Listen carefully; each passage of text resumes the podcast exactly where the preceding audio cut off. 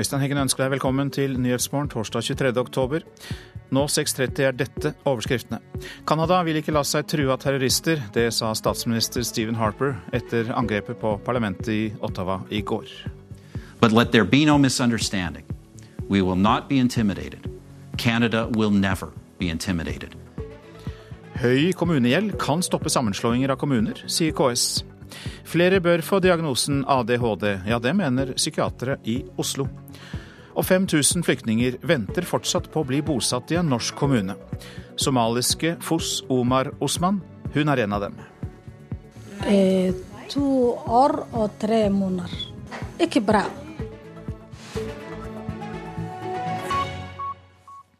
Canada har blitt utsatt for to terrorangrep i løpet av en uke. I går ble en soldat som holdt vakt ved et krigsminnesmerke utenfor parlamentet i Ottawa, skutt og drept. Etter skuddveksling inne i parlamentet ble en bevæpnet person drept av parlamentets sikkerhetsvakter. Korrespondent Gro Holm, hva er de siste informasjonene du har om angrepet på parlamentet i Ottawa? Ja, eh, Politiet vil ikke si eh, og bekrefte at det er bare én mann som står bak dette her. Eh, men det man vet er at, eh, at den mannen som ble tatt, Michael Joseph Hall, han, ble, han, har konvertert til islam for en stund siden. Han er 32 år, har kriminell løpebane, tatt tidligere for ran og narkotika. og han skal ha også blitt fratatt passet sitt fordi det var frykt for at han ville reise til Syria. ellers er det ganske rolig i Canadas hovedstad nå. Eh, ordføreren der eh, sier at eh, ting har gått tilbake til mer eller mindre til normale. Folk har fått slippe ut igjen, de som har blitt bedt om å holde seg innendørs. Og han sier at det virker som om det var bare én gjerningsmann. Vi hørte jo et glimt fra statsminister Stephen Harper i starten her. Vi skal høre litt mer fra hans direktesendte tale til nasjonen onsdag kveld, som altså var i natt norsk tid.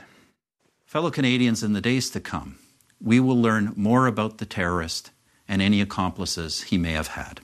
But this week's events are a grim reminder that Canada is not immune to the types of terrorist attacks we have seen elsewhere around the world.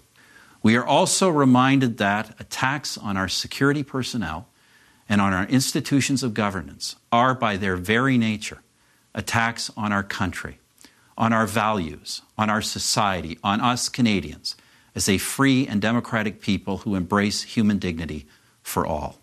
But let there be no misunderstanding. We will not be intimidated. Canada will never be intimidated. Ja, hvordan skal vi tolke dette, korrespondent Gro Holm?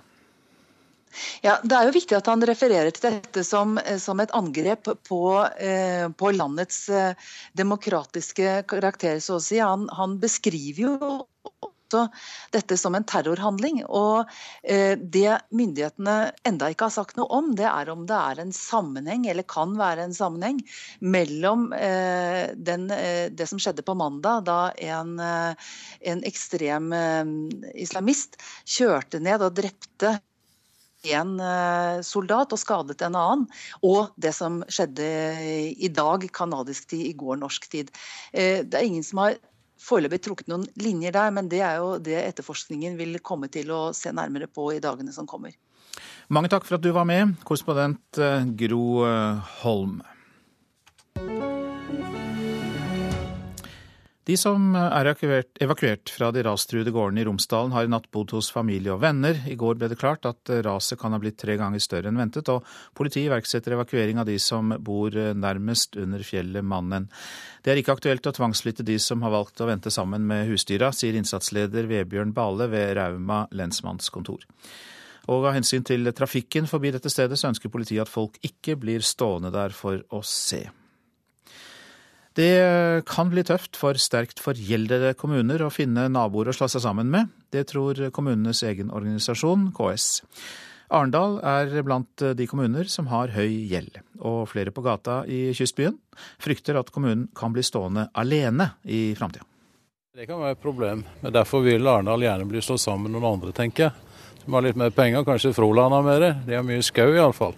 Det er forståelig. og Fra den forrige sammenslåingen så var det òg noe av utfordringen at det var Arendal som ville vinne mest på det. Og de neste årene kan det bli mange vinnere og tapere. 428 norske kommuner skal bli langt færre. Regjeringens gigantreform er allerede i gang, men kommunesektorens organisasjon KS tror den høye gjelda mange steder kan stikke kjepper i hjulene. Det kan være et problem. Og vi vet konkret fra enkelttilfeller at det har styrt på en måte hvilken retning kommuner har sett seg. altså hvem man kikker på, eh, og hvem man ikke vil kikke på når det gjelder, når det gjelder den kabalen der. Så, så det er absolutt en, en problemstilling som ikke har noe egentlig god løsning i dag.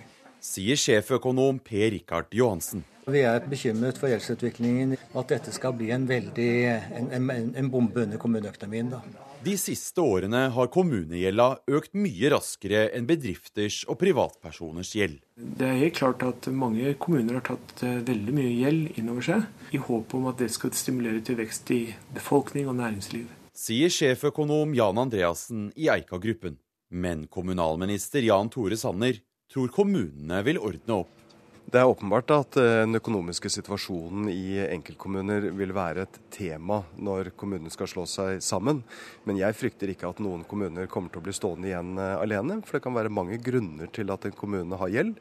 Eh, og de vil ta med seg både nyoppussede skoler og nye sykehjem inn i en ny kommune. Og i Arendal er heller ikke Sanners partifeller spesielt bekymret. Mange kommuner er verre stilt og har ikke store verdier i et kraftselskap sier ordfører Einar Halvorsen.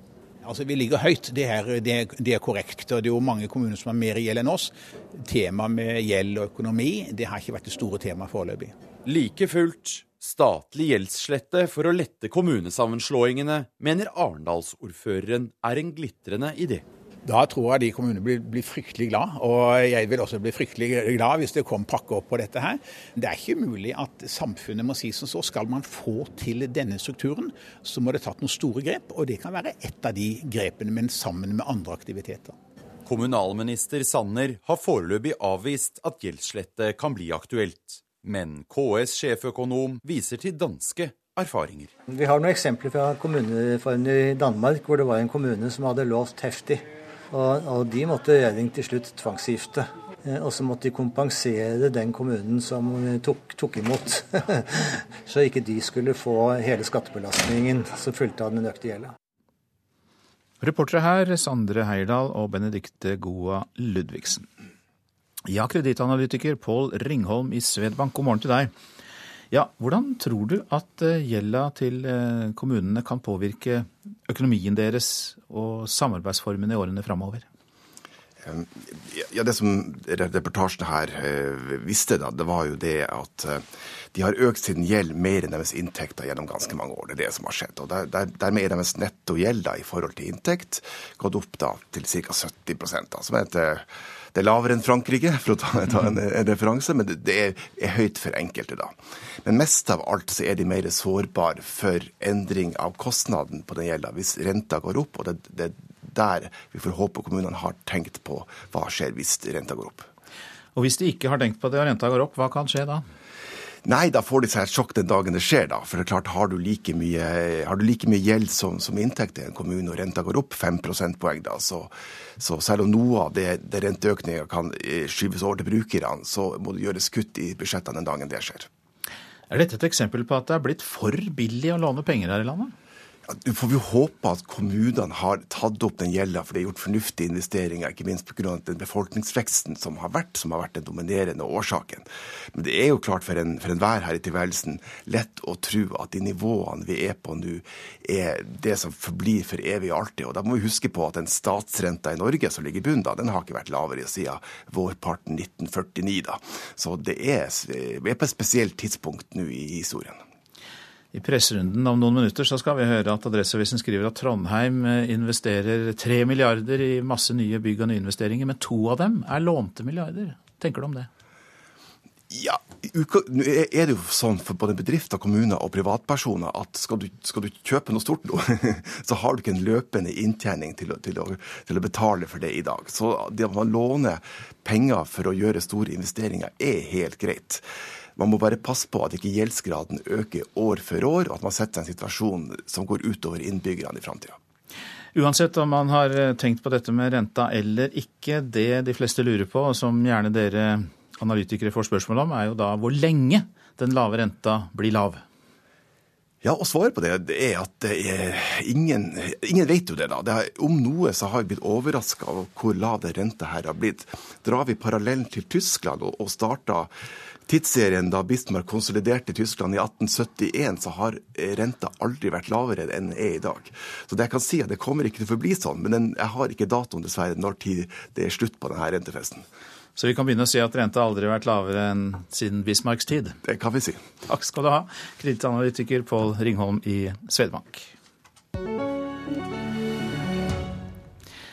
Mens mange mener det er for mange ADHD-diagnoser i Norge i dag, mener barne- og ungdomspsykiater i Oslo-skolen at flere barn og unge bør få diagnosen ADHD. Tidlig diagnose og god behandling kan redde mange fra å falle ut fra skole og arbeidsliv, hevder de. Markus var en av de som var heldig. Han fikk en tidlig diagnose og god hjelp eh, etter at det var mye surr på skolen. Jeg kunne prøve så godt jeg kunne, men hvis det var en penn eller et eller annet som jeg kunne se på som ikke handler om skole, så fikla jeg med det i timevis. Og det er mange unge som fikler med andre ting og sliter med konsentrasjonen på skolen. Overlege og spesialist i barne- og ungdomspsykiatri, Ingebjørg Fare, møter i dag helseministeren på et seminar om psykisk helse, og er helt klar på hva hun mener. Ja, vi har en underdiagnostisering i Norge i dag. Det jeg er veldig opptatt av, det er at ADHD har blitt et, nærmet et skjellsord i skolen. Så de færreste pasienter jeg har, har lyst til at jeg skal fortelle læreren deres en gang om at de har ADHD. De er livredde for at noen skal vite om de går på medisiner. Det er skambelagt? Ja. Jeg pleier å si at du har vansker med å konsentrere deg. Du har en vanske innenfor oppmerksomhet som gjør at du ikke klarer å holde oppmerksomheten lenge nok av gangen. Sånn at det blir vanskelig for deg i skolesammenheng. Du klarer ikke å sitte og følge med på læreren lenge nok. Og hvis du får kortere arbeidsøkter, du får læreren til å gi deg én og én beskjed av gangen, du får hjelp til å komme i gang med dine arbeidsoppgaver, så vil du få det bedre. Så hvis jeg får lov å si dette til læreren din, så vil du få det bedre på skolen. Og hvis ikke det har hjulpet, så kan, vi, har jeg også noen medisiner som kan hjelpe deg i sammenhengen. Og hun mener vi ikke kan forvente at lærerne håndterer alle disse elevene. Jeg kan ikke skjønne hvordan lærerne med de 28 elevene de har i dag, og én lærer skal klare dette. Her er de nødt til å få hjelp til å hjelpe de elevene som trenger. For de trenger hjelp i igangsetting, i overganger inn og ut av klasserommet. Skal bort til grupperom. De trenger hjelp i hvordan de skal jobbe med gruppearbeidet. Nå klarer jeg å konsentrere meg på skolen. Da, eller nå går jeg på ambulansefag, eh, som er ganske tøft. Eh, men jeg har valgt det fordi jeg føler at jeg klarer det. Ja, det sa Markus, som altså ser lysere på livet når han har ADHD-medisin. Reporter Bjørn Atle Gillestad. Så avisene. Opprør mot politiledelsen i Hordaland i en varslerrapport fra to politijurister, skriver Bergens Tidende. Monica-saken er et skrekkeksempel på hvordan ledelsen avviser og knebler dyktige medarbeidere som kommer med betimelige spørsmål, sier en kilde med innsikt i rapporten. En annen kilde sier til avisa at det er en ukultur i politiledelsen i Hordaland. Jeg trodde virkelig at Kristoffer-saken var så rystende at politi og påtalemyndighet hadde lært, sier mor mormoren hans til Aftenposten. Historien om Monica Svigelinskaja vekker vonde minner hos Ragnhild Gjerstad. Hennes barnebarn ble funnet med store skader, men politiet henla saken to ganger før Riksadvokaten beordret ny etterforskning og stefaren ble dømt for drap. Skatteprofilen i statsbudsjettet er ikke hellig, sier Per Sandberg til Klassekampen. Han åpner for omkamp om formuesskatten når samarbeidspartiene skal snekre budsjett på Stortinget sammen med regjeringen. Jeg har forståelse for at mange reagerer på skatteprofilen i statsbudsjettet, sier Frp-nestlederen. Kronprinsparets fond har investert penger i tobakksgiganten Philip Morris, avslører VG og E24. Vi ser svært alvorlig på dette, sier fondets daglige leder Solfrid Flateby, som vil ta saken opp med Nordea, som forvalter pengene. Nå sprekker idyllen, det er oppslaget i Dagens Næringsliv. Samarbeidspartiene beskylder statsminister Erna Solberg for dårlig lederskap. Venstre og KrF er provosert av alle omkampene i budsjettbehandlingen. Flere hundre asylbarn kan bli uten barnehageplass, kan vi lese i Dagsavisen. Tilskudd til barn i asylmottak kuttes med 42 millioner kroner. Integreringsfiendtlig og helseskadelig, sier barneombud Anne Lindboe. Trondheim kommune investerer som aldri før, som også ble nevnt tidligere i Nyhetsmorgen. Det står i Adresseavisen. Rådmannen foreslår at tre milliarder skal brukes på skoler, barnehager, sykehjem og idrettsanlegg. Og to av milliardene skal tas opp som lån. Bibelstunt får kritikk i vårt land. Misjonsorganisasjonen Ungdom i oppdrag deler ut bibler til alle husstander i Finnmark. Men det er en dårlig måte å dele troen på. Det mener Asle Eikrem, som underviser på Menighetsfakultetet. Mesterligaen i fotball nå. Åge Hareides Malmö de klarte å henge med i én omgang, men raknet fullstendig borte mot Atletico Madrid og slapp inn hele fem mål på de siste 45 minuttene i gårsdagens kamp. Og etter kampen så følte den norske treneren seg ja, helt maktesløs etter det han beskriver som et mareritt. Nei, Det var jo en eh, skrekkelig dårlig andre halvlek av oss. Vi, eh, vi hadde en OK første halvlek og det står 0-0, men, men, i andre halvlek så uh, så virker det som vi eh, var tom for energi, rett og slett. Denne opplevelsen, var den en mardrøm? Alltid det når du slipper fem mål i en halvlek. Eh, det får være så at det, eh, noen ganger så må du ta det på hakene direkte, uten at du sitter her og unnskylder noen ting som helst. Vi, vi var ikke gode nok, og det, også, det, går også an i fotball. Går det å komme tilbake på Champions League-nivå? Absolutt. absolutt. Det mente Åge Hareide, som altså ble intervjuet av Sveriges Radio. Også Liverpool fikk kjenne på ydmykelse i går. Laget tapte hele 3-0 mot Cristiano Ronaldo og Real Madrid, og det skjedde til og med hjemme i eh, England. Klokka den nærmer seg 6.47. Dette er eh, hovedsaker. Canada vil ikke la seg true av terrorister, sa statsminister Stephen Harper etter angrepet på parlamentet i Ottawa i går. Høy gjeld kan gjøre det vanskelig for mange kommuner å slå seg sammen med andre, mener KS. Flere bør få diagnosen ADHD, mener barne- og ungdomspsykiatere i Oslo-skolen.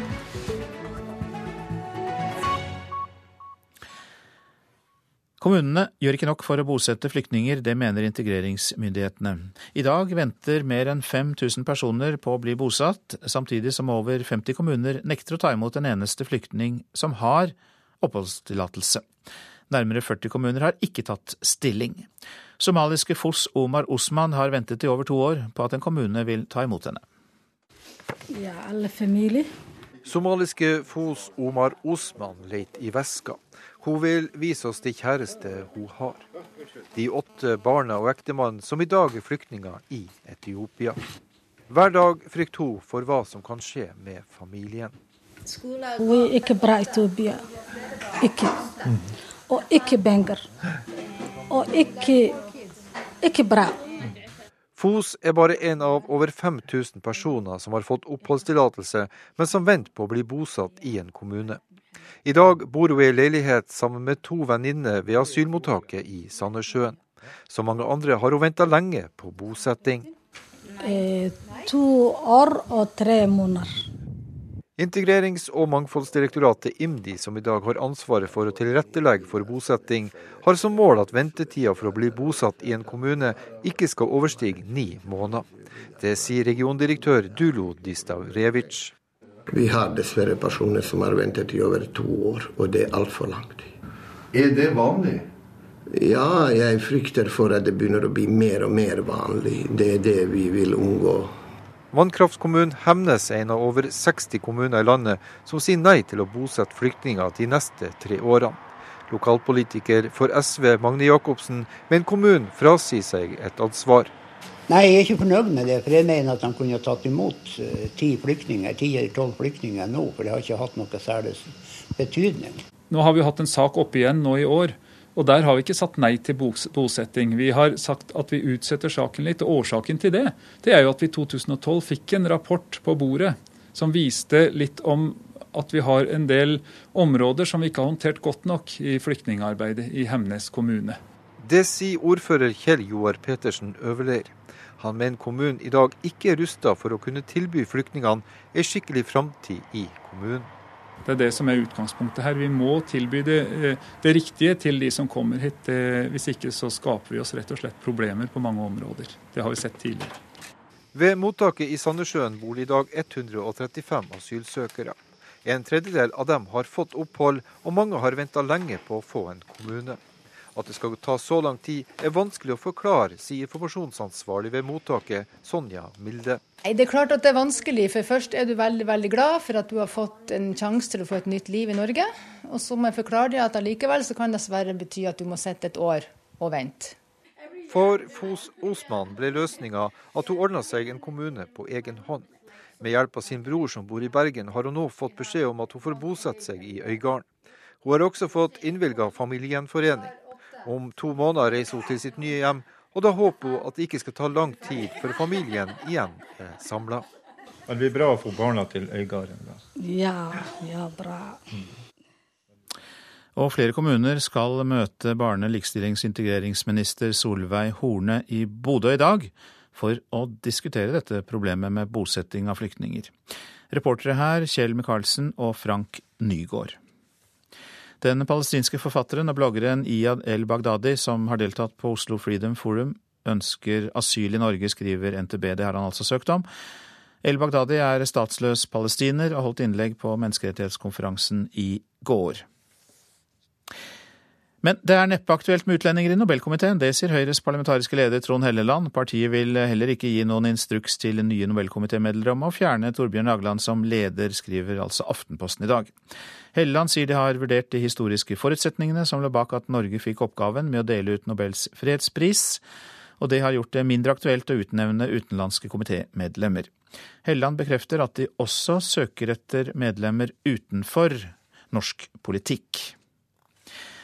Privat finansiering av kunst var et diskusjonstema på Kulturrådets årskonferanse i går. Kunstneren Vibeke Tandberg mener regjeringens ambisjon om økt privat finansiering vil drepe den frie kunsten.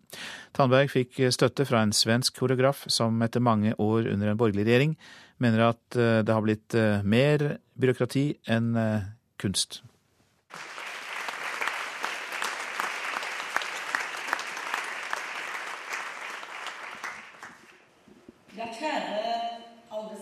Kulturminister Toril Vidvei ble møtt med applaus da hun entret scenen på Kulturrådets årskonferanse i Lillestrøm i går.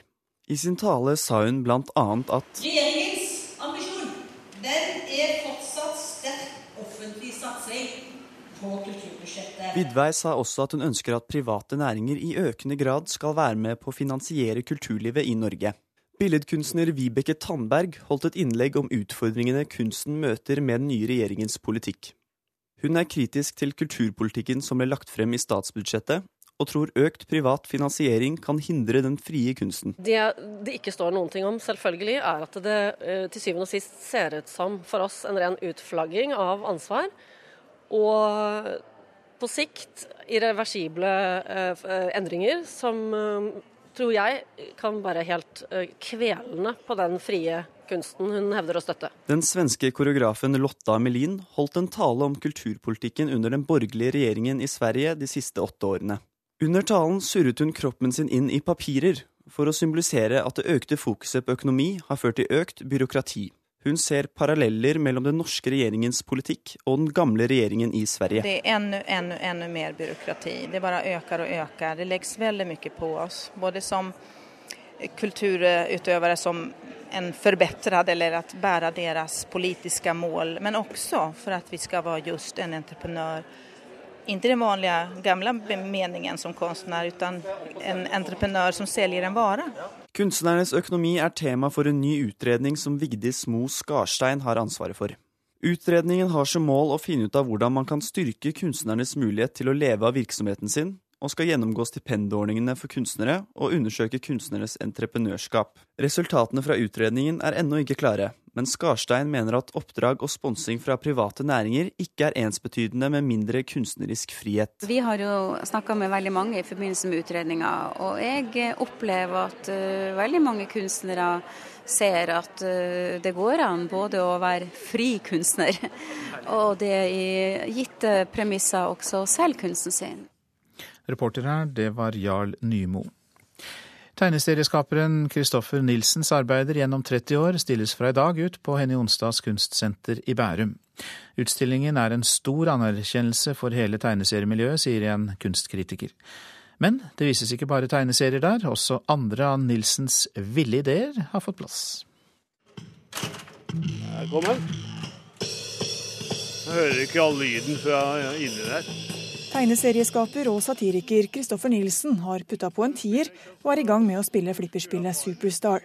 Meningen er å sørge for at folk blir desillusjonerte før de i hele tatt har begynt på sin superstjernekarriere. Spillet er en del av installasjonen Misfornøyelsespark, hvor målet slett ikke er at folk skal ha det gøy. Nei, det er meningen. Hvilke følelser kan man ta med seg? Nei, misfornøyelsen er jo viktig, da. Det speiler mer, eh, ikke sant. Man speiler jo sin samtid, da. Og det er jo mye misnøye her i Norge. Misfornøyelsesparken er bare én del av utstillingen, som også viser mange av hans beste tegneseriestriper, hans billedkunst og en ny variant av animasjonsfilmen 'Rulletrappen'. Det store repertoaret og den posisjonen Kristoffer Nilsen har fått de siste årene, er en av grunnene til at Henny Jonstad ønsker å stille ut hans arbeid, forteller kurator Lars Finnborud. Min generasjon, som har vokst opp med Kristoffer Nielsen sine tegneserier, så er han jo en av eh, altså den på en måte store historiefortelleren. og han overdriver selvfølgelig utrolig mye, men det er jo på en måte karikatur uh, av samfunnet. For landets tegneserieskapere er det en anerkjennelse at Henny Jonstad kunstsenter har valgt å vie en så stor utstilling til Kristoffer Nilsen. Det mener tegneseriekritiker Morten Harper. Selv om uh, man sier at kulturhierarkiene har, brutt sammen, så må vi nok se i øynene at eh, det at en sånn stor, etablert kunstinstitusjon gir så stor plass til en tegneserieskaper, har eh, betydning som et stempel for at eh, norske tegneserier kan være kunst. Tegneserieskaperen selv i en kiste er også en del av utstillingen. Det delvis råtne liket er det aller første publikum møter. Kristoffer er jo Han provoserer jo mange. Eh, men jeg, altså, reaksjonene er jo alt fra at liksom, vi er voksne, overdriver jo veldig ofte folks reaksjoner. Så jeg husker når det kom inn en skoleklasse her, og jeg hadde bare det liket lå borti hjørnet her. Og jeg bare Å, herregud, nå kommer de til å bli liksom satt tilbake ti år mentalt. Så begynte jo alle bare å ta selfies ved siden av liket. Og bare Ja, dødskult, er det halloween snart? Og, og sånne ting. ja, det er sånn man gjør det i våre dager. Det skal vi legge det ut på Facebook også, eller hva de bruker. Og den utstillingen eh, finner du på Henny Onsdag kunstsenter til februar neste år. Reporter var Une Marvik Hagen. Værvarselet nå. Fjell i Sør-Norge først. Kuling utsatte steder. Perioder med sludd og snø, men regn under ca. 1000 meter sør for Finse. Seinere blir det også mest eh, regn lenger nord i fjellet. Østlandet på kysten periodevis sørlig liten kuling, til dels stiv kuling. Regn av og til. Tidlig på dagen snø i en del indre og høyereliggende strøk på Østlandet. Telemark, der blir det regn og liten kuling på kysten i ettermiddag. Regn også i Agder eller eh, regnbyger. Rogaland liten og periodevis stiv kuling i nord. Regn og yr. Hordaland sørlig stiv kuling, sterk kuling i nord først på dagen, og regn. Lokalt kan det bli mye nedbør i Hordaland. Sogn og Fjordane sørlig sterk kuling, forbigående liten storm i nord. Fra i ettermiddag stiv kuling i sør. Og det blir regn. Lokalt mye nedbør også i Sogn og Fjordane. Og vi går til Møre og Romsdal. Sørlig liten kuling utsatte steder. Først på dagen stiv kuling i sør og perioder med regn. Trøndelag sørøst stiv kuling utsatte steder, liten storm i nord. I kveld minker vinden i Trøndelag. Perioder med regn, snø over 800 meter, og det er eh, Snøen kommer noe lavere ned i grensetraktene av eh, Trøndelag. Helgeland, Saltfjellet, Salten og Ofoten. Sørøstlig periodevis liten storm utsatte steder. Lokale vindkast på eh, opp mot 25-30 meter per sekund. Etter hvert blir det regn og snø i indre strøk. Lofoten og Vesterålen sørlig stiv kuling utsatte steder. Periodevis sterk kuling i Lofoten, etter hvert litt regn.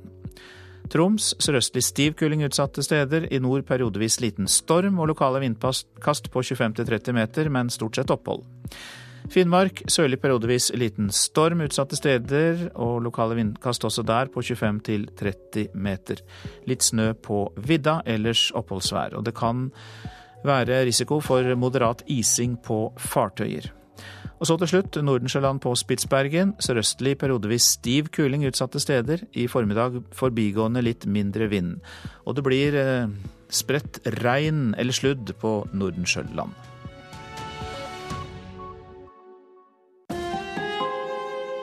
Hør ekko. Det som nå skjer i den svenske skjærgården, er som et gufs fra den kalde krigen. Det er nesten noe gammeldags med en ubåtjakt i vår tid med droner og digital krigføring. Men Det norske forsvaret vil kjøpe nye ubåter for 30 milliarder kroner. Hva skal vi egentlig med dem? Ekko 9 11 i NRK P2.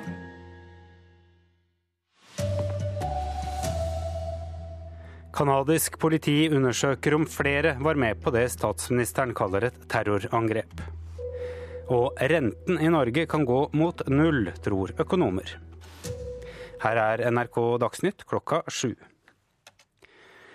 Gårsdagens angrep på nasjonalforsamlingen i Canada var en terrorhandling, sier Canadas statsminister. En soldat som holdt vakt ved et minnesmerke utenfor parlamentet, ble drept. Foreløpig er det ikke bekreftet at det bare var én gjerningsmann, sier korrespondent Gro Holm. Politiet vil ikke si eh, og bekrefte at det er bare én mann som står bak dette her.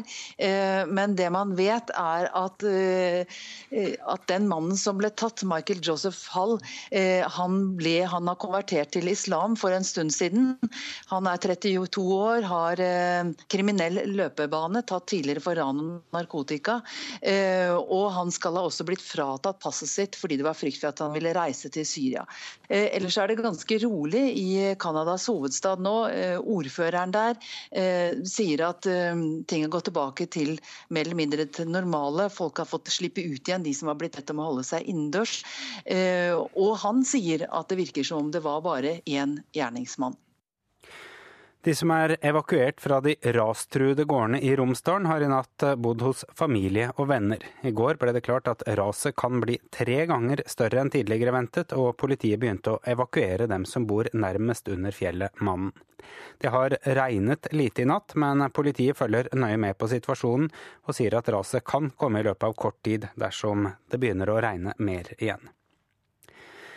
Rentene her i landet kan falle pga. kraftig fall i oljeprisen, tror økonomer. I dag klokka ti tror få det blir kunngjort noen renteendring fra Norges Bank, men på sikt tror sjeføkonom i Eika-gruppen Jan Ludvig Andreassen at renta kan bli presset ned mot null. Vi er på vei inn i en tid hvor rentene kommer til å falle og tilpasse seg vårt nabolandsnivå, og i våre naboland er jo renta nær null. Jeg har påpekt at det nærliggende er å tro at vi fem millioner nordmenn etter hvert må tilpasse vårt rentenivå til de 500 millioner i våre naboland. Andreassen i Eika-gruppen frykter lav rente kan blende forbrukerne. Folk lokkes til å bruke mer penger enn de har råd til på lang sikt.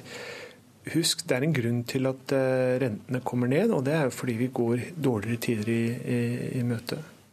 Reporter Eva Marie Bulai. En 36 år gammel mann fra Sandefjord er dømt til tre måneders fengsel for å ha røkt hasj minst tre ganger sammen med en ti år gammel gutt. Retten ser på dette som en legemsfornærmelse. NRK Dagsnytt, Arild Svalbjørg. Her fortsetter Nyhetsmorgen.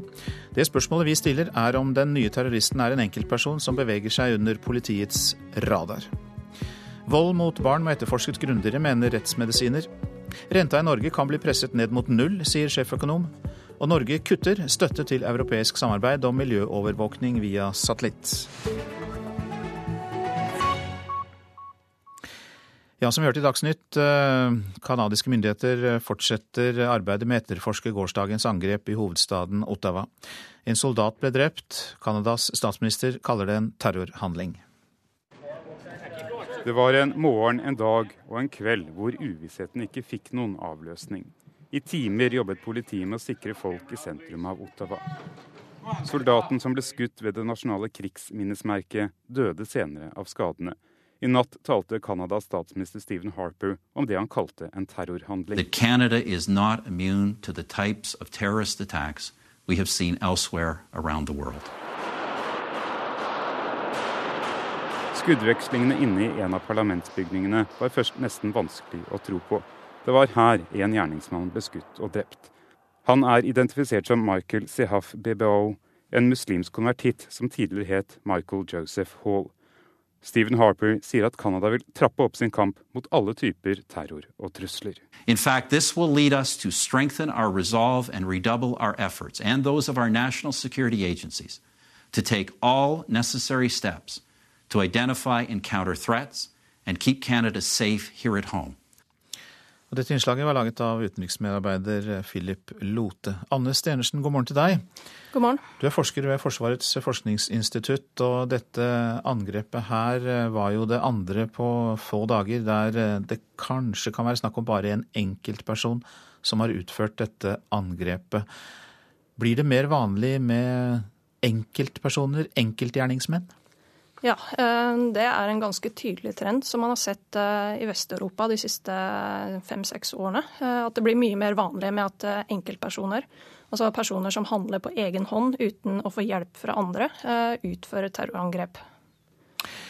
Er det da slik at terroristene tenker så bevisst at det er mer effektivt, eller er det fordi det ikke er så koordinerte angrep lenger?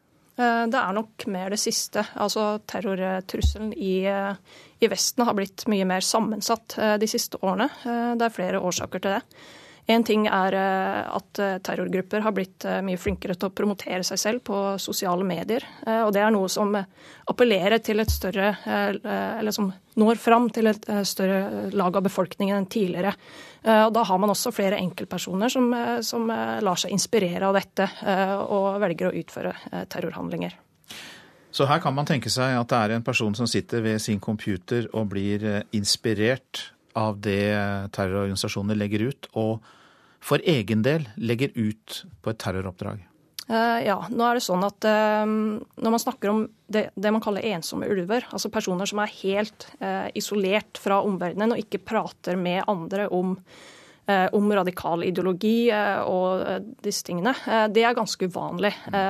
De fleste som, som går til det skrittet å utføre terrorhandlinger, de har et miljø, eller de er en del av et radikalt miljø. Eh, men så velger de ofte eh, å holde eh, selve terrorplanen hemmelig. Det kan nok også hende at de tenker, tenker sikkerhet der. Og det gjør det jo altså vanskeligere å oppdage og finne ut at noe er på gang fra politiets side. Ja, vi har sett på terrorangrep som har, som har funnet sted i Europa, også terrorplaner i Europa. Det man ser, er at de siste seks årene så er det kun 30 eh, av de som er soloterrorister, som har blitt oppdaget. Eh, det er en veldig, eh, veldig, liten andel i forhold til når man ser på grupper, for da er det nesten 80% av de gruppene som har planlagt handlinger, har blitt oppdaget. Så dette er noe man bør se på med bekymring. Er det noen som uh, blir utsatt for angrep uh, spesifikt? Retter man seg inn mot uh, noen grupper spesielt? Ja, Dette er også en trend man ser ganske tydelig i Europa. At terrorangrepene har blitt mer målretta. Dvs. Si at de rettes mot spesifikke grupper i samfunnet, mer enn at de retter seg mot allmennheten. Madrid- og London-bombene var retta mot sivilbefolkning generelt. Men etter 2008 særlig så ser man flere angrep retta mot eh, bl.a. soldater, mot eh, jøder, mot eh, karikaturtegnere. Altså spesifikke målgrupper. Og Det er en veldig tydelig, tydelig trend som vi har sett. Og så har vi kanskje også en annen trend, jeg får høre med deg om det. Er det mer vanlig at det er konvertitter som gjør det? Altså folk som i ganske for kort tid tilbake har konvertert til islam for de flestes del? Eh, det er mer vanskelig å svare på. Vi har ikke noe god statistikk på det, fordi det er så få eh, angrep totalt, og det er så få konvertitter. Eh, det skal sies at de aller fleste konvertitter selvfølgelig ikke blir terrorister. Men de får gjerne mer, mer, mer medieoppmerksomhet når de blir involvert i den type handlinger. Så da kan man få inntrykk av at det er mer vanlig kanskje enn det egentlig er. Takk skal du ha for at du kom og opplyste oss om dette, Anne Stenersen, som altså da er forsker ved Forsvarets forskningsinstitutt. Det er fortsatt et stykke å gå før grov vold mot barn etterforskes like grundig som vold mot voksne. Ja, det sier en av Norges mest erfarne rettsmedisinere, Torleiv Rognum. Selv om situasjonen har blitt bedre de siste åra, så er det mange forhold som gjør slike saker vanskelige å etterforske. Det er ofte ikke noen vitner. Barnet er dødt, det har ikke hatt noen mulighet til å si fra. Kanskje det er så lite at de ikke kunne snakke før det døde. Og de som da har stått rundt, de er jo kanskje skyldige eller medskyldige og har da ikke noe behov for å fortelle noe. Så det er vanskelige saker å etterforske. Også det at svært mange av oss har vanskelig for å tro at foreldre og andre nære omsorgspersoner kan utføre voldshandlinger mot barna sine, virker inn, sier Rognum. Folk flest ønsker ikke å, å tro at dette fins at eh, de nærmeste pårørende eller bekjente kan ta livet av et lite barn. Så man definerer det vekk. Man velger å, å, si at dette er noe som ikke går an, og da kan man vel ikke heller straffe det så hardt. Denne forestillingen gjelder også for ansatte innen politi og rettsvesen, bekrefter seksjonsleder Lena Reif i Kripos. At vi ikke helt tar inn over oss at eh, foreldre kan gjøre vonde ting med barna sine. At det er uh, uforståelig. At vi ikke skjønner at noen uh, kan ta og riste en unge så hardt at den får uh, skader. Jeg tror det ligger litt motstand mot å forstå og ta inn over oss den alvorligheten. Denne uka har NRK fortalt at det har vært en eksplosiv økning i meldinger om vold mot barn til politiet. Rognum ønsker seg langt større bruk av rekonstruksjoner i de mest alvorlige sakene, der ekspertene kan sjekke påstander om hva som faktisk skjedde med barnet. Hvor man i samarbeid med kriminalteknikere foretar en rekonstruksjon av den hendelsen som kanskje de som er i søkelyset forteller. De skadene vi har her, passer historien. Kan de være eh, oppstått på den måten som det blir fortalt? Er det mulig at man dør av hodeskade ved å falle fra en sofa f.eks.? Det er jo historier som man ikke sjelden kan høre i sånne tilfeller. Reportere her, det var Eline Buvar Pårdal og Tom Ingebrigtsen. Advokat Thea V. Totland, god morgen. Hallo. Du er spesialist i barns rettigheter og arbeider med saker som handler om barn, og du er også daglig leder i stiftelsen Barnas rettigheter. Så det vi får inntrykk av her, er at selv om barn forteller om vold, så hører man ikke på dem. Og hvorfor? Det er mange grunner til at, eh, at, det skjer, tror jeg. Eh, jeg tror at begge de to vi hørte, både fra Kripos og, rettsmedisineren, er inne på noe. Det var en av de tingene jeg tenkte på også. At man rett og slett er en slags sånn benektelse. Man kan ikke tro at eh, noe slikt foregår. Man ser det samme i seksuelle overgrep. Det blir for uvirkelig, på en måte. Og så vondt at man rett og slett velger å tenke at det ikke fins, når noen hevder det. Og det vil jo alltid være noen som hevder at det ikke fins, når det er snakk om mistanker om vold. Eh, så vil jo den som er mistenkt for vold, vil jo nesten alltid nekte. Da tror jeg også vi kommer i en situasjon hvor den andre forelderen eh, vil prøve å beskytte barna, og da er man plutselig i en konfliktsituasjon. Og da tror jeg at all den støyen som er rundt eh, foreldrene, gjør at politiet tenker at å, dette er sikkert en foreldrekonflikt. Uh, og da kan man jo ikke legge så mye vekt på hva barnet sier, for da kan jo barnet være påvirket osv. Jeg tror det kan være med å kludre til bildet en del i mange saker. Mm. Nå er jo hele landet opptatt av uh, Monica-saken, mm. men samtidig så har vi også lenger tilbake i tid saker der foreldre er blitt mistenkt, og så har det i ettertid vist seg at det var kanskje ukjente medisinske årsaker som var grunnen til at eh, barnet døde. Så vi skal jo trå litt varsomt her òg, da. Ja, man skal det. Og det skal jo en del til før man eh, faktisk blir dømt, eller før saken kommer for retten i det hele tatt. Mm. Det er jo veldig strenge krav til bevis, og sånn, sånn må det jo være. Men er, da er det enda viktigere at politiet gjør jobben sin og innkaller til dommeravhør i tide, sånn at det ikke det går så lang tid at det oppstår tvil om, om, det barnet sier, eller at barnet glemmer det det skal si. Eh, for dette, mange av disse ungene er jo traumatiserte, eh, og hvis man venter for lenge, så ja, så, så, så, mister de på en måte det de, de, skal fortelle om. Og mange har fortalt om det så mange ganger allerede at når de kommer til politiet, så er de liksom ferdig med det, og de vil ikke snakke mer om det. Og atter andre, eh, bare for å si det, det henger jo også sammen med ressurser. ikke sant? At uh, disse ungene, de, Mange av de trenger å snakke flere ganger med samme etterforsker for å bli trygg. ikke sant? De, de, har, de er redde for konsekvensene ved å fortelle. De har, blitt, de har jo blitt fortalt at det vil få forferdelige konsekvenser hvis de forteller hva som skjer med dem. Og de ønsker kanskje å fortelle litt etter litt. Ja, Du og også Riksadvokaten har jo da sagt at uh, man må uh, etterforske dette grundigere. Men så er det også slik at dere i Stiftelsen Barnas rettigheter vel har også snakket om at politietterforskerne faktisk er utslitt? Ja, eh, for et års tid siden så skrev jeg et brev til Riksadvokaten hvor jeg rett og slett, eh, som jeg kalte en bekymringsmelding. Fordi jeg opplevde mange ganger når jeg ringte til, eh, til politiet, som, særlig som bistandsadvokat, at, at politiet var at, at, det var mye sykemeldinger, og at de som var igjen, de var, de var helt på randen. Eh, og jeg tenker at De hver for seg gjør en god jobb, men de har, så, de har, så, mye å gjøre. Det er så mange saker, og alle sakene føles prioritert. ikke sant? Men så må man foreta en prioritering. Det er jo et voldsomt press. Eh, og så må man kanskje tåle et voldsomt press når man jobber i politiet, men, eh, men vi må jo altså Når man ser den økningen som har vært anmeldelser, så må det jo økes også i ressursene, både menneskelige og, og økonomiske. Da. Men det det vel koker ned til som en konklusjon, er at det fortsatt er slik, da, slik jeg oppfatter deg, at et uh, dødsfall hos en voksen person blir tatt mer alvorlig enn hvis et barn dør?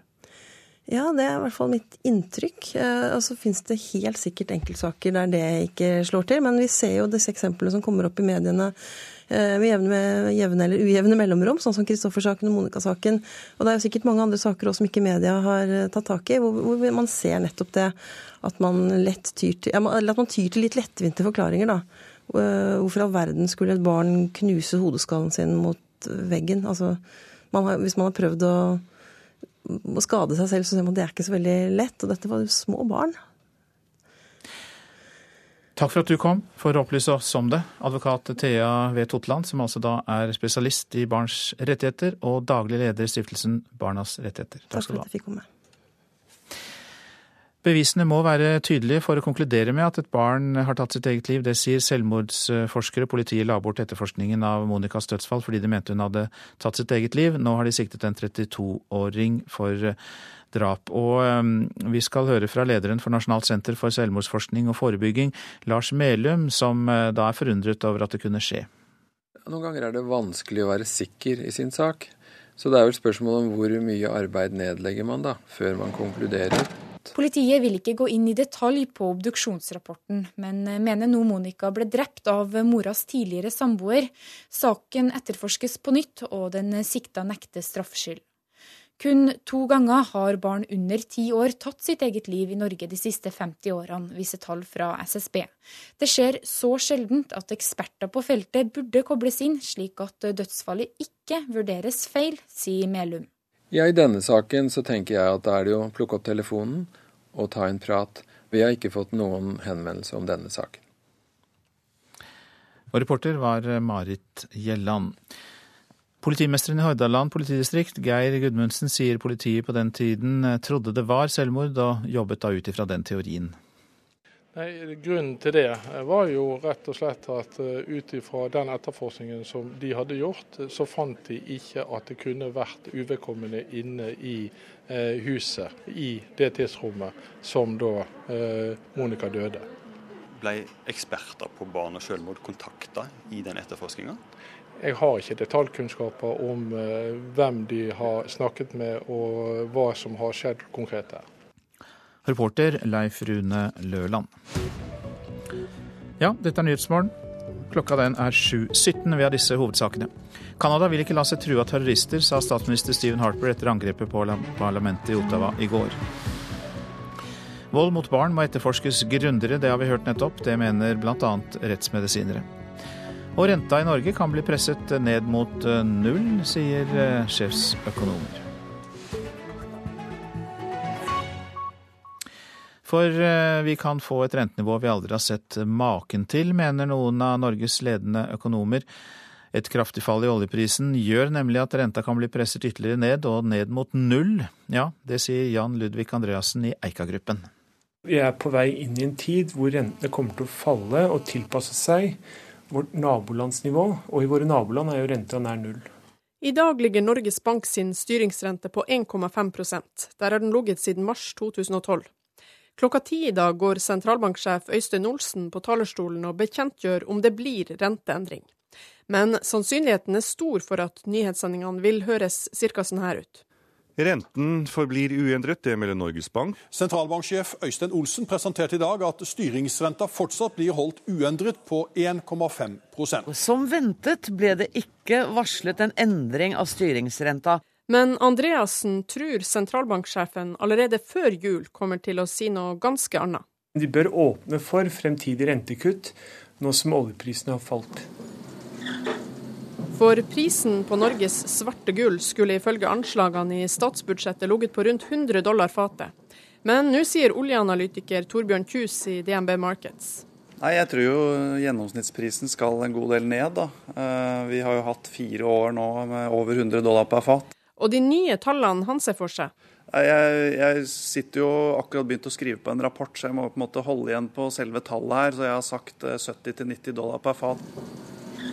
Og når prisnivået i Norges viktigste næring faller så mye, må sentralbanken fyre opp økonomien ved å sette ned renta.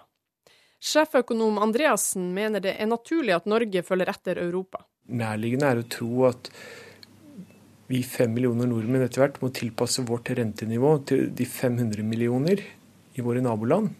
I går sa professor Steinar Holden og Ragnar Thorvik til Dagens Næringsliv at det kan bli nødvendig å halvere styringsrenta hvis oljeprisen holder seg på dagens nivå. Det vil si å kutte styringsrenta til 0,75% Andreassen i Eika-gruppen frykter lav rente kan blende forbrukerne. Folk lokkes til å bruke mer penger enn de har råd til på lang sikt. Husk, det er en grunn til at eh, rentene kommer ned, og det er jo fordi vi går dårligere tider i, i, i møte. Og reportere her, Eva Marie Bulai og Johan Settem. Norge trekker seg fra det største europeiske samarbeidet om miljøovervåkning. I statsbudsjettet foreslår regjeringen at Norge ikke skal delta videre i Copernicus-programmet, som overvåker med overvåking fra satellitter. Og det er flaut, mener sjefen for Norsk Romsenter. 3, 2, 1, topp et décollage. En merkedag på romfartssenteret i fransk Guyana. Den nye europeiske miljøsatellitten blir sendt opp. Den første av flere satellitter i Copernicus-programmet. Det største europeiske samarbeidet om miljøovervåking. For få uker siden var denne satellitten i full drift. I fjor sa et samla storting ja til at Norge skulle være med. Nå sier regjeringa nei. I statsbudsjettet for 2015 er det ikke satt av penger til dette. Administrerende direktør i Norsk Romsenter, Bo Andersen, er skuffa. Konsekvensene blir store. De viktigste konsekvensene er at Norge ikke vil ha like bra overvåkning av de store havområdene vi har, og ikke minst rundt Svalbard med økt aktivitet og mye is, altså mye is, og at man må følge det bedre både på olje, fiske og annen type aktivitet. Data fra satellittene blir henta ned til bakkestasjonen Svalsat på Svalbard. Rolf Skattebo er administrerende direktør for Kongsberg Satellite Services, som driver stasjonen. Jeg syns jo det er noe merkelig, i og med at dette er et program som vil dekke eh, to-tre av de viktigste satsingsområdene i Norge for tida, nemlig en aktiv overvåking i nordområdene. Det vil eh, gi bidrag til eh, klima- og miljøovervåking, hvor Norge ønsker å ha en aktiv profil. Og det er et innovasjonsprogram som vil gi norske industribedrifter og forskningsinstitusjoner store muligheter framover. Skattebo er redd at Svalsat kan miste kontrakten de har, og tape rundt 750 millioner kroner fram til 2020.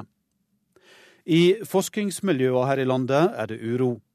De vil helt klart få merke konsekvensene av et brudd i samarbeidet, sier Bo Andersen i Norsk Romsenter. Miljøene som sådan vil få sannsynligvis mindre oppdrag og mindre samarbeid med sine europeiske partnere. Well,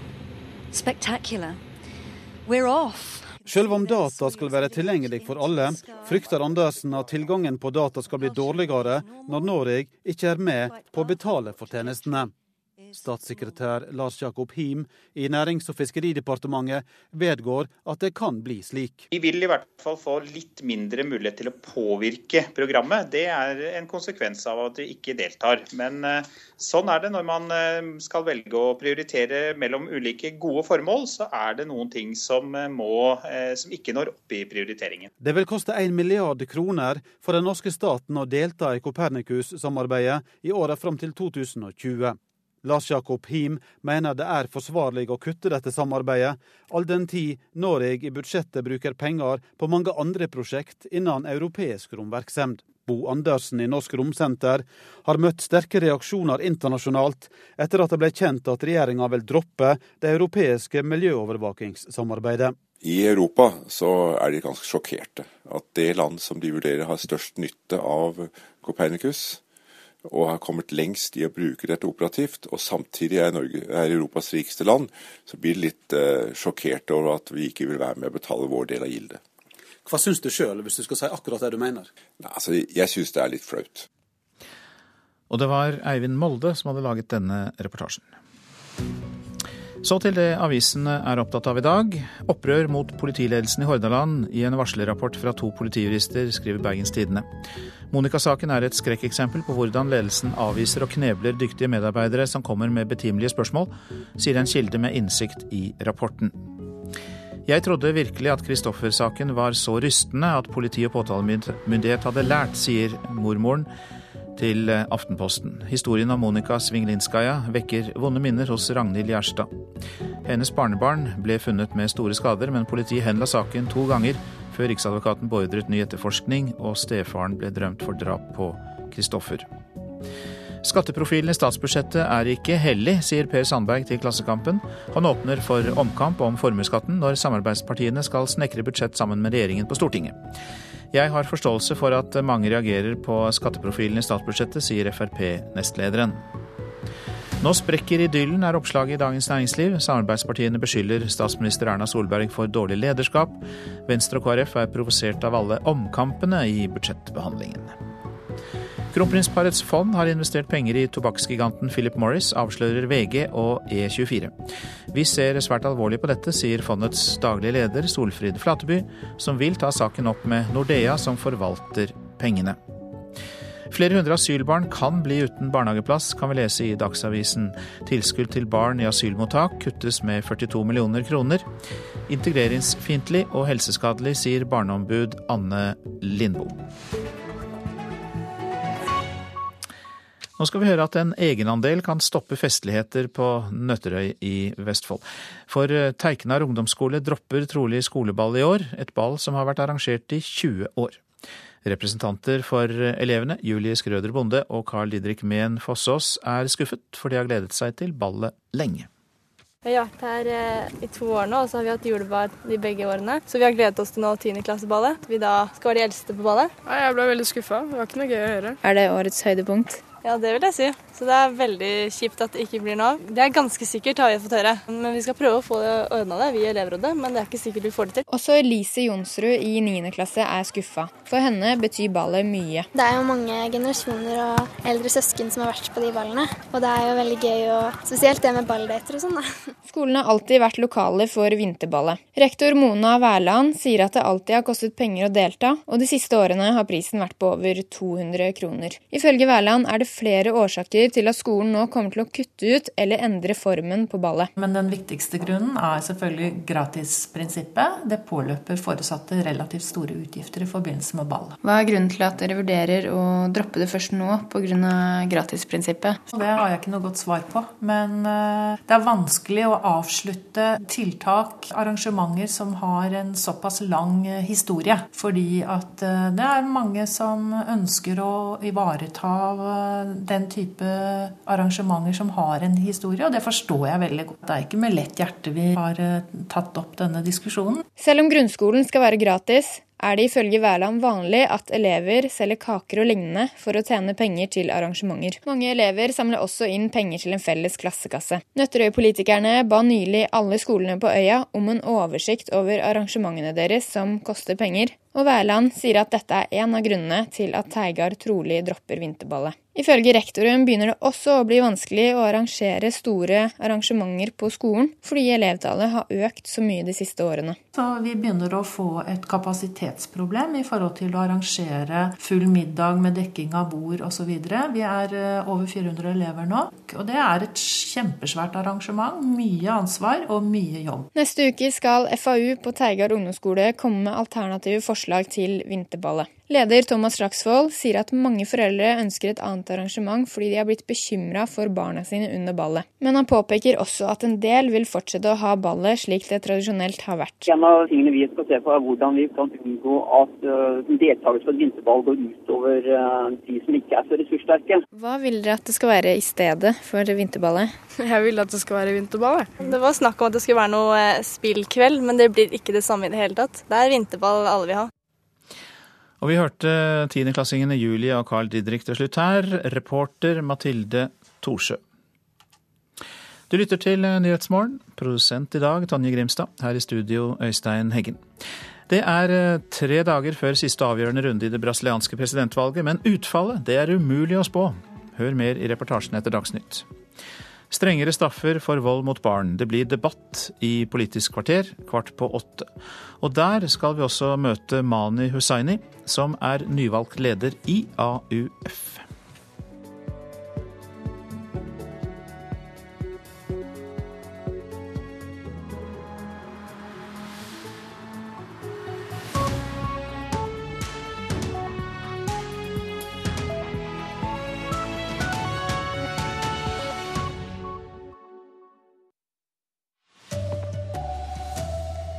Canada vil ikke la seg skremme, sier statsministeren, som lover å styrke innsatsen mot terror etter angrepet mot parlamentet i går.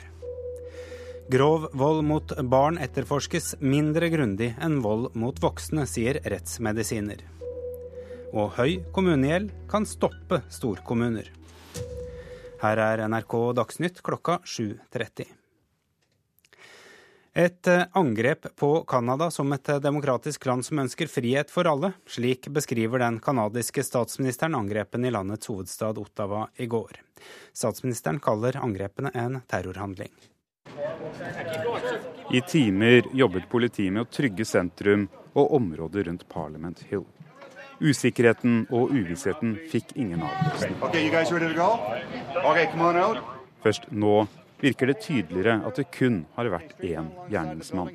I natt talte Canadas statsminister Stephen Harper om det han kalte en terrorhandling og et angrep på demokratiet. Attacks on our country, on our values, on our society, on us Canadians, as a free and democratic people who embrace human dignity for all. Skuddvekslingen inne i en av parlamentsbygningene var først nesten vanskelig å tro på. Gjerningsmannen ble skutt og drept rett utenfor døren til et av flere rom hvor parlamentsmedlemmer hadde møter med partifeller. Gjerningsmannen er identifisert som 32 år gamle Michael Sehaf Bebaou, en muslimsk konvertitt som tidligere het Michael Joseph Hall. Før han ble drept inne i parlamentet, hadde han på kloss hold skutt en ubevæpnet soldat som sto æresvakt ved det nasjonale krigsminnesmerket i Ottawa. Den 24 år gamle soldaten døde senere av skadene. Statsminister Stephen Harper sier Canada vil trappe opp sin kamp mot alle typer terror og trusler hjemme og ute. And keep Canada safe here at home. And fight against the terrorist organizations. They will have no safe haven. Reporter er utenriksmedarbeider Philip Lote. Og forsker ved Forsvarets forskningsinstitutt, Anne Stenersen. Eh, mannen bak dette angrepet ser ut til å være en 22 år gammel konvertitt. Eh, og det kan også se ut til at han var alene. Er det overraskende? Mm.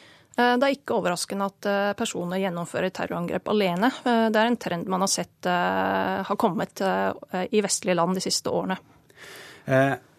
Kan være, hvem kan han være inspirert av? Er veldig vanskelig å si. Vi vet lite om hans personlige motiver for å utføre dette. Det kan selvfølgelig være jihadisme.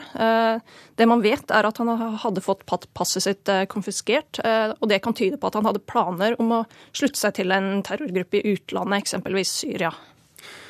Er det grunn til å frykte flere av denne type angrep framover andre steder enn Canada også? Eh, ja, det tror jeg. Eh, man må regne med at eh, vi vil se flere sånne angrep også i Europa. Og det har også med å gjøre at personer som handler alene, er mye vanskeligere å oppdage enn grupper som planlegger terror. Ser det ut til at Canada har vært godt forberedt på et sånn type angrep? Det er vanskelig for meg å vurdere. Selvfølgelig, Dette er det første angrepet av denne typen som har skjedd i Canada. Og responsen har vært stor, men det er litt typisk siden de ikke har opplevd noe sånt før. Takk skal du ha, Anne Steinersen, forsker ved Forsvarets forskningsinstitutt. Det er fortsatt et stykke å gå før grov vold mot barn etterforskes like grundig som vold mot voksne. Det sier en av Norges mest erfarne rettsmedisinere, Torleif Rognum. Selv om situasjonen har blitt bedre de siste åra, er det mange forhold som gjør slike saker vanskelig å etterforske. Det er ofte ikke noen vitner. Barnet er dødt, det har ikke hatt noen mulighet til å si ifra. Kanskje det er så lite at de ikke kunne snakke før det døde. Og de som da har stått rundt, de er jo kanskje skyldige eller medskyldige, og har da ikke noe behov for å fortelle noe. Så det er vanskelige saker å etterforske. Også det at svært mange av oss har vanskelig for å tro at foreldre og andre nære omsorgspersoner kan utføre voldshandlinger mot barna sine, virker inn, sier Rognum. Folk flest ønsker ikke å, å tro at dette fins at eh, de nærmeste pårørende eller bekjente kan ta livet av et lite barn. Så man definerer det vekk. Man velger å, å, si at dette er noe som ikke går an, og da kan man vel ikke heller straffe det så hardt. Denne forestillingen gjelder også for ansatte innen politi og rettsvesen, bekrefter seksjonsleder Lena Reif i Kripos. At vi ikke helt tar inn over oss at eh, foreldre kan gjøre vonde ting med barna sine. At det er uh, uforståelig. Denne uka har NRK fortalt at det har vært en eksplosiv økning i meldinger om vold mot barn til politiet. Rognum ønsker seg langt større bruk av rekonstruksjoner i de mest alvorlige sakene, der ekspertene kan sjekke påstander om hva som faktisk skjedde med barnet. Hvor man i samarbeid med kriminalteknikere foretar en rekonstruksjon av den hendelsen som kanskje de som er i søkelyset forteller. De skadene vi har her, passer historien. Kan de være eh, oppstått på den måten som det blir fortalt? Og i mange tilfeller er det jo ikke mulig. Det er oppdiktede historier. Reportere her Line Buvarp Årdal og Tom Ingebrigtsen. DNA-analysen som nå kan ha pekt ut drapsmannen til åtte år gamle Monica, kunne vært gjort av et privat norsk firma allerede da hun døde i 2011. Men politiet i Hordaland ville bare bruke Folkehelseinstituttet, som brukte en dårligere analysemetode. Det Folkehelseinstituttet som er ekspertisen, og det er de som vi legger til grunn har eh, det nødvendige utstyret for å få gjort de testene som skal gjøres. Denne grundigere analysen med 17 markører istedenfor 11 var tilgjengelig allerede den gangen. Hvorfor brukte dere ikke det? Politiet eh, benytter seg av Folkehelseinstituttet. Det er slik eh, reglene er. Og i forhold til dette her, så er det de som er det organet som politiet skal benytte. Dette andre instituttet sier òg at de har blitt benyttet av tre andre politikammer. Ja, det kjenner ikke jeg til. Sa politimester i Hordaland, Geir Gudmundsen, reporter Leif Rune Løland og bevisene må være tydelige for å kunne konkludere med at et barn har tatt sitt eget liv. Det mener selvmordsforskere her i landet. Politiet la altså bort etterforskningen av åtte år gamle Monikas Svigelinskajas dødsfall fordi de mente hun hadde tatt sitt eget liv. Men det er så sjeldent at barn tar sitt eget liv at politiet burde kontaktet eksperter på selvmord. Det sier leder for Nasjonalt senter for selvmordsforskning og forebygging, Lars Melum. Politiet har altså nå siktet en 32-åring for drap på åtteåringen. Kommuner med stor gjeld kan få problemer med å finne naboer å slå seg sammen med. Det tror kommunenes egen organisasjon. Arendal er blant kommunene med høy gjeld, og flere på gata i kystbyen frykter at kommunen kan bli stående alene i framtida. Det kan være et problem, men derfor vil Arendal gjerne bli slått sammen med noen andre, tenker jeg. De har litt mer penger, kanskje Froland har mer. De har mye skau iallfall. Det er forståelig, og fra som ville vinne mest på det. Og de neste årene kan det bli mange vinnere og tapere. 428 norske kommuner skal bli langt færre. Regjeringens gigantreform er allerede i gang. Men kommunesektorens organisasjon KS tror den høye gjelda mange steder kan stikke kjepper i hjulene. Det kan være et problem. Og vi vet konkret fra enkelttilfeller at det har styrt til hvilken retning kommuner har sett seg. altså hvem man kikker på, eh, og hvem man ikke vil kikke på. Sier sjeføkonom Per Rikard Johansen. Vi er bekymret at dette skal bli en, en, en bombe under kommuneøkonomien. da. De siste årene har kommunegjelda økt mye raskere enn bedrifters og privatpersoners gjeld. Men kommunalminister Jan Tore Sanner tror kommunene vil ordne opp. Jeg frykter ikke at noen kommuner kommer til å bli stående igjen eh, alene, for det kan være mange grunner til at en kommune har gjeld. Og i Arendal er heller ikke Sanners partifeller spesielt bekymret. Mange kommuner er verre stilt, sier ordfører Einar Halvorsen. Altså, Vi ligger høyt, det, er, det, det er korrekt. Temaet med gjeld og økonomi det har ikke vært det store temaet foreløpig. Reportere her Sindre Heierdal og Benedicte Goa Ludvigsen. Kraftig fall i oljeprisen gjør at økonomer spår historisk lavt rentenivå. I dag klokka ti tror få at det blir kunngjort noen renteendring, men på sikt tror sjeføkonom i Eika-gruppen Jan Ludvig Andreassen renta kan bli presset ned mot null.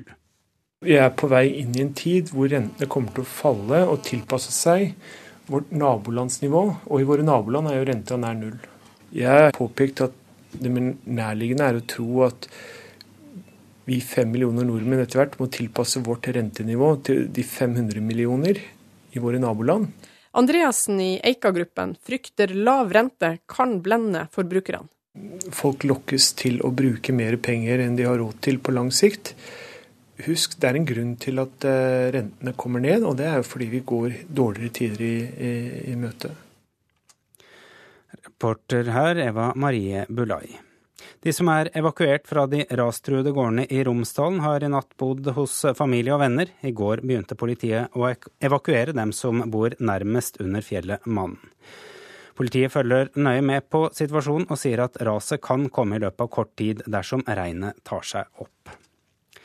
Ansvarlig for denne sendingen Anne Skårseth, teknisk ansvarlig Frode Thorshaug, og her i studio Arild Svalbjørg.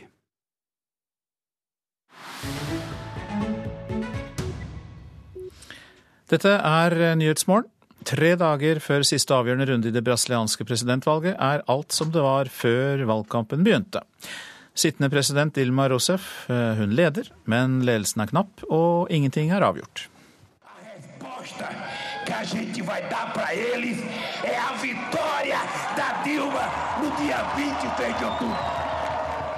Dilmas ledelse er innenfor feilmarginene.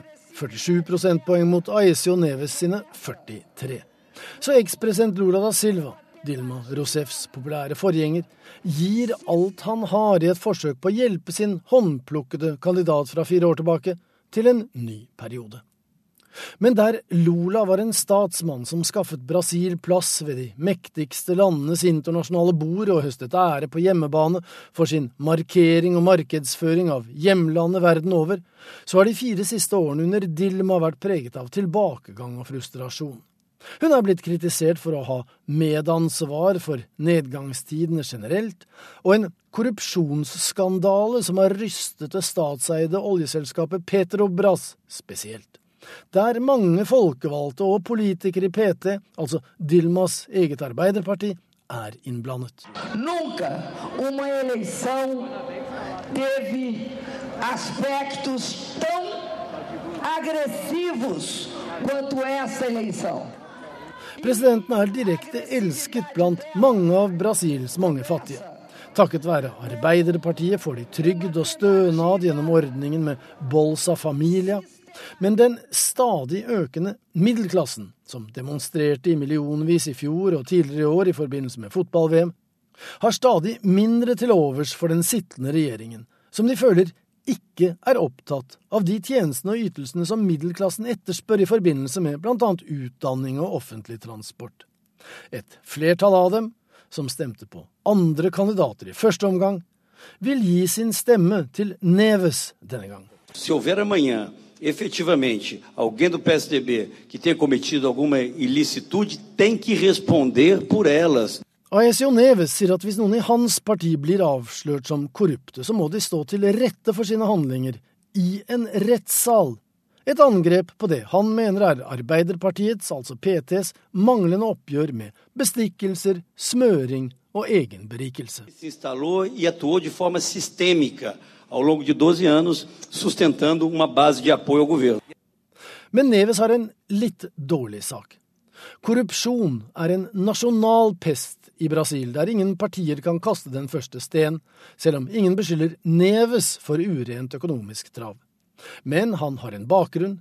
Bestefaren var president, og slekten består av professorer, guvernører, akademikere og folkevalgte.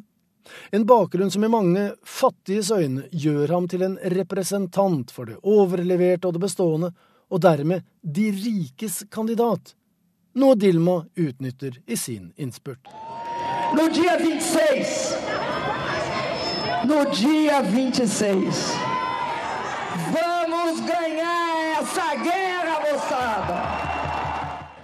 Valgfinalen med bare to deltakere etter at ingen fikk 50% oppslutning ved valget den 5. oktober, har vært mer grisete og aggressiv enn vanlig i sambarytmenes og bostanovaens hjemland.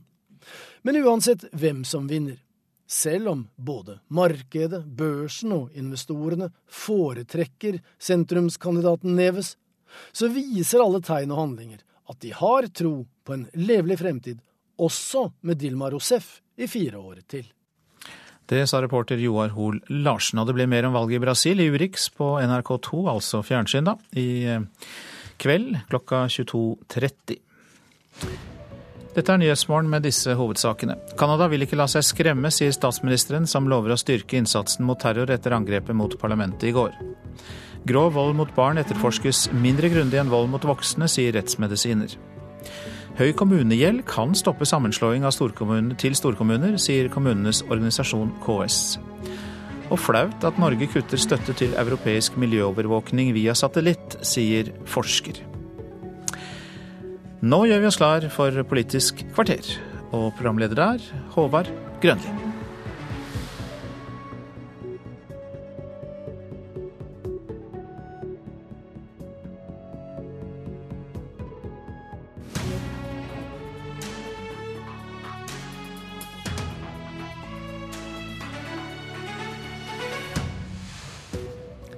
Låge straffer for vold mot barn opprører. Bør vi vedta strengere strafferammer og minstestraff?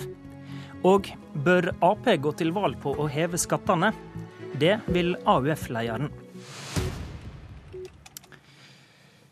Velkommen til Politisk kvarter. En NRK-gjennomgang viser at straffene i saker med vold mot barn er langt lågere enn Stortinget mente da strafferammene ble skjerpa for fire år siden. I 21 valgsaker med varige skader er straffa gjennomsnittlig 15 måneder fengsel. Vi har samla KrF, Ap og Høyre sine folk i justiskomiteen her. Kjell Ingolf Ropstad, KrF. Du sa til NRK i går kveld at du er opprørt og provosert over dette. Men hva kan en gjøre med det, politisk?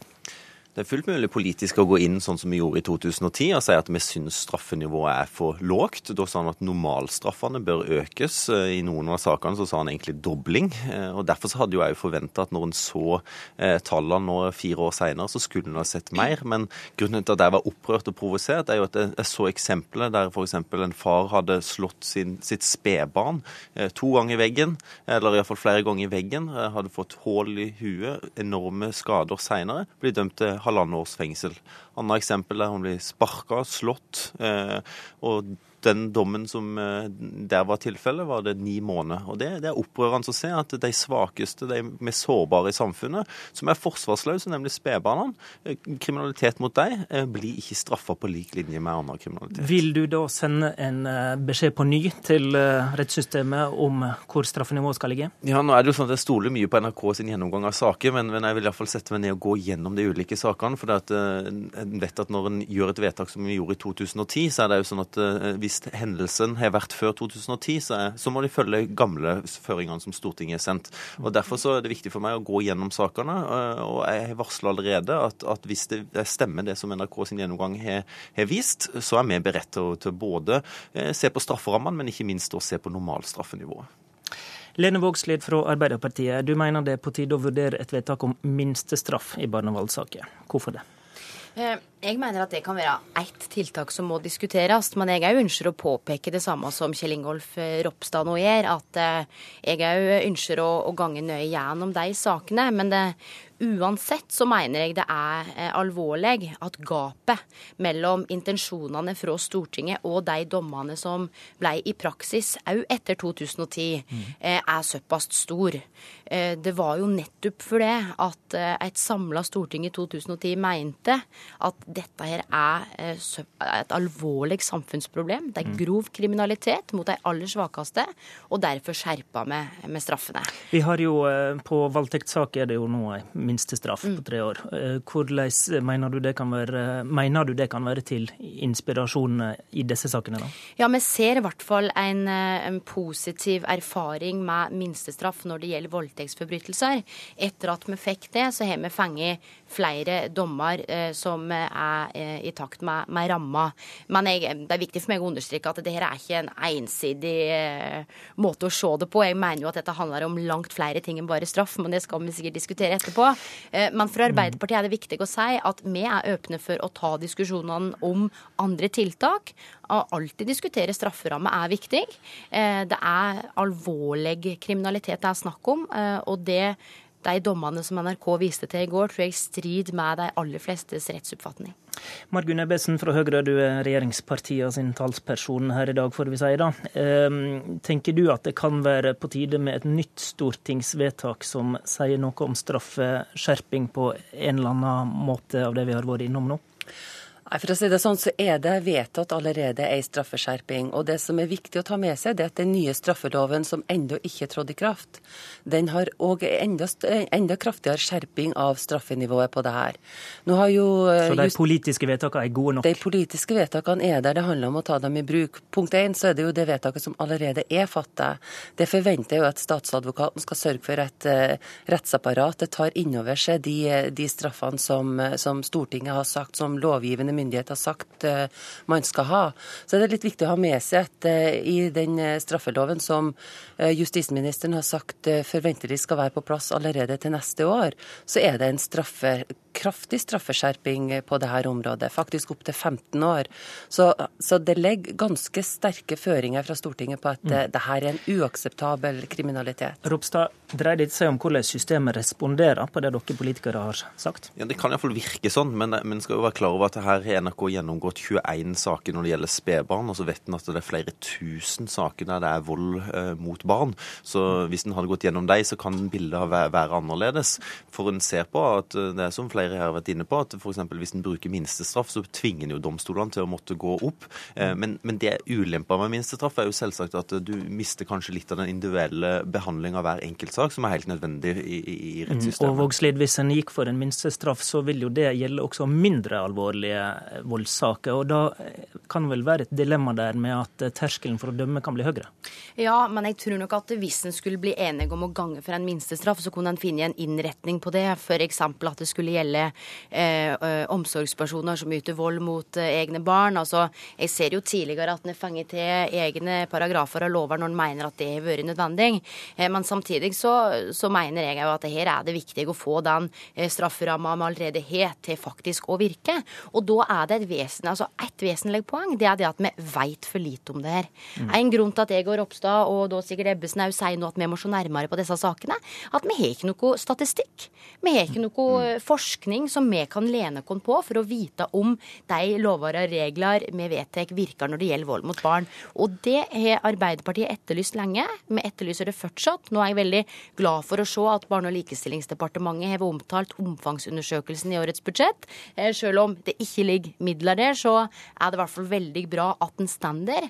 Eh, Barneombudet har vært veldig tydelig mange ganger på at vi må ha bedre og bredere eh, statistikk og kunnskap om voldsutsatte barn, og det vil òg være nyttig i denne diskusjonen. Ebbesen, hvis det er sånn at lovvedtakene egentlig er gode nok, hva er det viktigste en kan gjøre da for å eh, redusere vold mot barn? For det er jo det som er målet her. Det viktigste her er det som gjøres på forebyggende tiltak.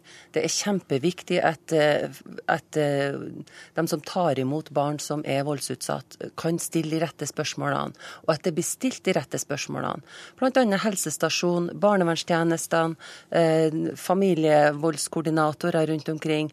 Det er mange tiltak som gjøres, og som må gjøres mer. Som må sørge for at man har ei god Sørge for at man snakker om det her. rett og slett få det frem i dagen. Hva for en del av apparatet trengs å styrkes for å få til det, Ropstad?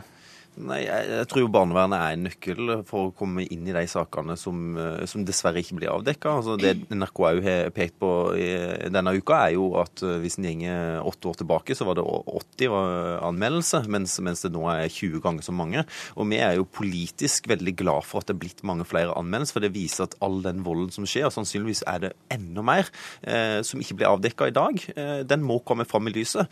Men, men da må en òg klare å gripe inn. Og jeg er helt enig i at det aller viktigste vi kan gjøre, det er å peke på forebygging. Og, og, og vi har tverrpolitiske løft for f.eks. barnehusene. fordi at en vet i dag mm. at avhør av barn, som er nøkkel for å få avdekka og få fram bevisene, det tar altfor lang tid. Da tar det 60 dager i snitt før, før, et barn blir avhørt. Og jeg mener at det, det er en gammeldags tankegang. fordi at Istedenfor bare å tenke at dette er det eneste avhøret som skal være av barnet, det er det som skal spilles av i domstolen, mm. så må en heller se på at her må vi få fram et, som et ledd i etterforskninga på et hvilket som helst avhør.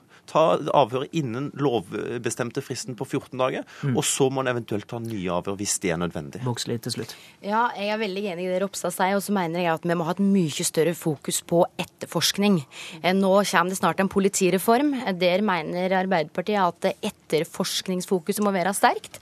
Eh, vi hører flere fortelle om eh, etterforskningsmiljøer rundt om i landet som må styrkes. Og så ser jeg òg fram til at regjeringa skal følge opp barnehusforslaget til Arbeiderpartiet, slik at vi får alle barn som har vært utsatt for vold, får avhør på barnehus. Og ikke minst at de kan følge dem opp òg etterpå. Og dere tre skal diskutere justisbudsjettet i Stortinget, så vi får se hva som skjer når det blir vedtatt.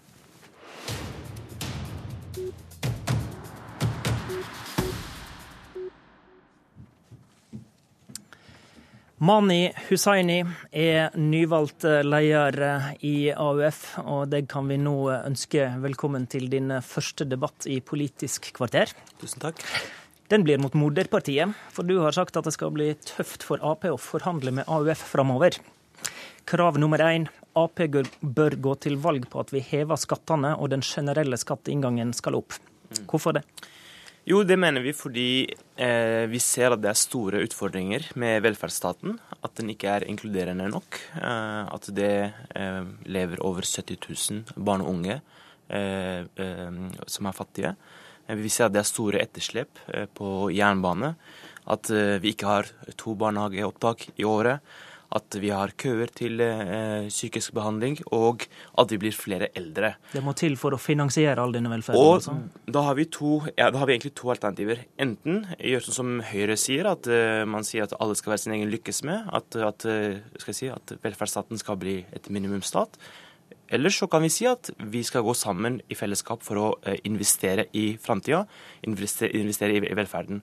Og da mener vi at det er på høy tid med en skattedebatt i Arbeiderpartiet fordi eh, man kan ikke gå til valg på borgerlige skattenivåer, sånn som man har gjort de siste eh, tre stortingsvalgene. Hva slags skatter bør opp? Jeg mener at, eh, at, at man må eh, ha en generell diskusjon på uh, personskatten, uh, på, på, på, vanlig inntektsskatt. små hevinger kan gi store utslag, som kan gjøre at vi kan investere i disse tingene som jeg nevnte, pluss mye annet. Man kan også innføre en nasjonal eiendomsskatt Eh, vi vet at bolig eh, eh, at, at skatt på bolig kan også føre til inntekter for staten, men først og fremst inntekter for framtida. Mariann Martinsen, finanspolitisk talsperson i Arbeiderpartiet. AUF vil være skatteentusiaster, kaller de det. Vil du? Dette kommer vi helt sikkert til å ha veldig mye diskusjon om eh, fram mot 2017. Eh, nå har jo vi sagt at det er eh, 2013-nivå på skatt som eh, som eh, ligger til grunn for våre budsjetter denne, denne perioden. Eh, og Det er et skattenivå som, som, folk kjenner, det er forutsigbart. Og det er også et skattenivå som har gitt rom for nye velferdsreformer. Vi har ikke bare opprettholdt eh, velferden, vi har hatt rom for å ansette flere tusen nye sykepleiere og politifolk og lærere. Så samfunnet trenger ikke at det samla skattetrykket går opp? Altså Det vi vet, er jo at, at, velferdsstaten på sikt, hvis vi ikke ser til neste år, men 10-20-30 år fram i tid, har en finansieringsutfordring. Og det er veldig naturlig at de yngste er de som er mest bekymra for det, og er mest opptatt av det. Og jeg er veldig mm. glad for at, eh, at vi har en AUF-leder som vil ha skattedebatt. Men dere voksne må jo også svare på hvordan dere skal løse det? Ja, og Vi har sagt at vi kommer til å fortelle norske velgere hva slags skattenivå vi går til valg på for perioden 2017 til 2021 i god tid før 2017. Og Det kommer vi helt sikkert til å ha masse diskusjon om, og AUF sin stemme trengs i den diskusjonen. Eh, men jeg er litt opptatt av at vi ikke starter den debatten med å stille oss sjøl spørsmålet om hvor mye mer vi skal skatte. Altså Vi er nødt til å ta utgangspunkt i en diskusjon om hva slags ambisjoner vi har for velferdsstaten. Hva er det vi skal finansiere? Hva slags velferd er det vi skal tilby folk? Og så mener jeg jo òg at, eh, at eh, det er, altså Vi har flere faktorer som kommer til å avgjøre hva slags skattenivå som er nødvendig noen år fram i tid. Hvor mye vi jobber f.eks. er jo helt avgjørende for hva slags finansieringsutfordringer vi, vi, kommer til å ha eller ikke ha. Til det, Husseini, det er jo flere ting som avgjør eh, forholdet mellom statens inntekter og utgifter enn bare dette skattenivået. Mm. Ja, det er jo det. Men, men eh, vi mener at, eh, at, eh, hvis vi sammenligner Norge med våre naboland, så ser vi at man har en mye eller en høyere personskatt enn det vi har i Norge. Og, og, samtidig har lavere kjøpskraft. Og Vi ser en utvikling de siste åra hvor, hvor, hvor privat kjøpskraft har blitt større, mens offentlig kjøpskraft har blitt mindre. og Derfor mener vi at det er mulig å omfordele her. Det er, jo, AUF er jo ikke eh, for skatteheving fordi vi elsker eh, skatteheving. Vi er for det fordi vi mener at eh, velferdsstaten står overfor utfordringer, ikke er inkluderende nok, og derfor må vi ha en debatt om hvordan vi skal investere i framtida. Martinsen til slutt. Ja, denne debatten kommer vi til å måtte ta. Eh, og det er, eh, og det er viktig at, eh, at, AUF og alle som er opptatt av skatt, er med i den debatten. Så var jeg inne på at det er flere faktorer som kommer til å avgjøre her. Hvor mye vi jobber er en av dem. Hvor effektive vi klarer å være i offentlig sektor er en annen. Jeg tror det, det Mani og jeg uansett er helt enige om, det er at de skattekuttene vi nå ser at regjeringa leverer år etter år, er med på å undergrave vår evne til å finansiere velferden vår på lang sikt. Da får vi slutte med den enigheten mellom ungdomspartiet og moderpartiet, selv om den kanskje ikke var helt overraskende. Det var eh, Politisk eh, kvarter torsdag. I studio var eh, Håvard Grønli. Husk at du kan laste oss ned som podkast, eller du kan høre oss i reprise på Alltid nyheter klokka 10.40 hver hverdag.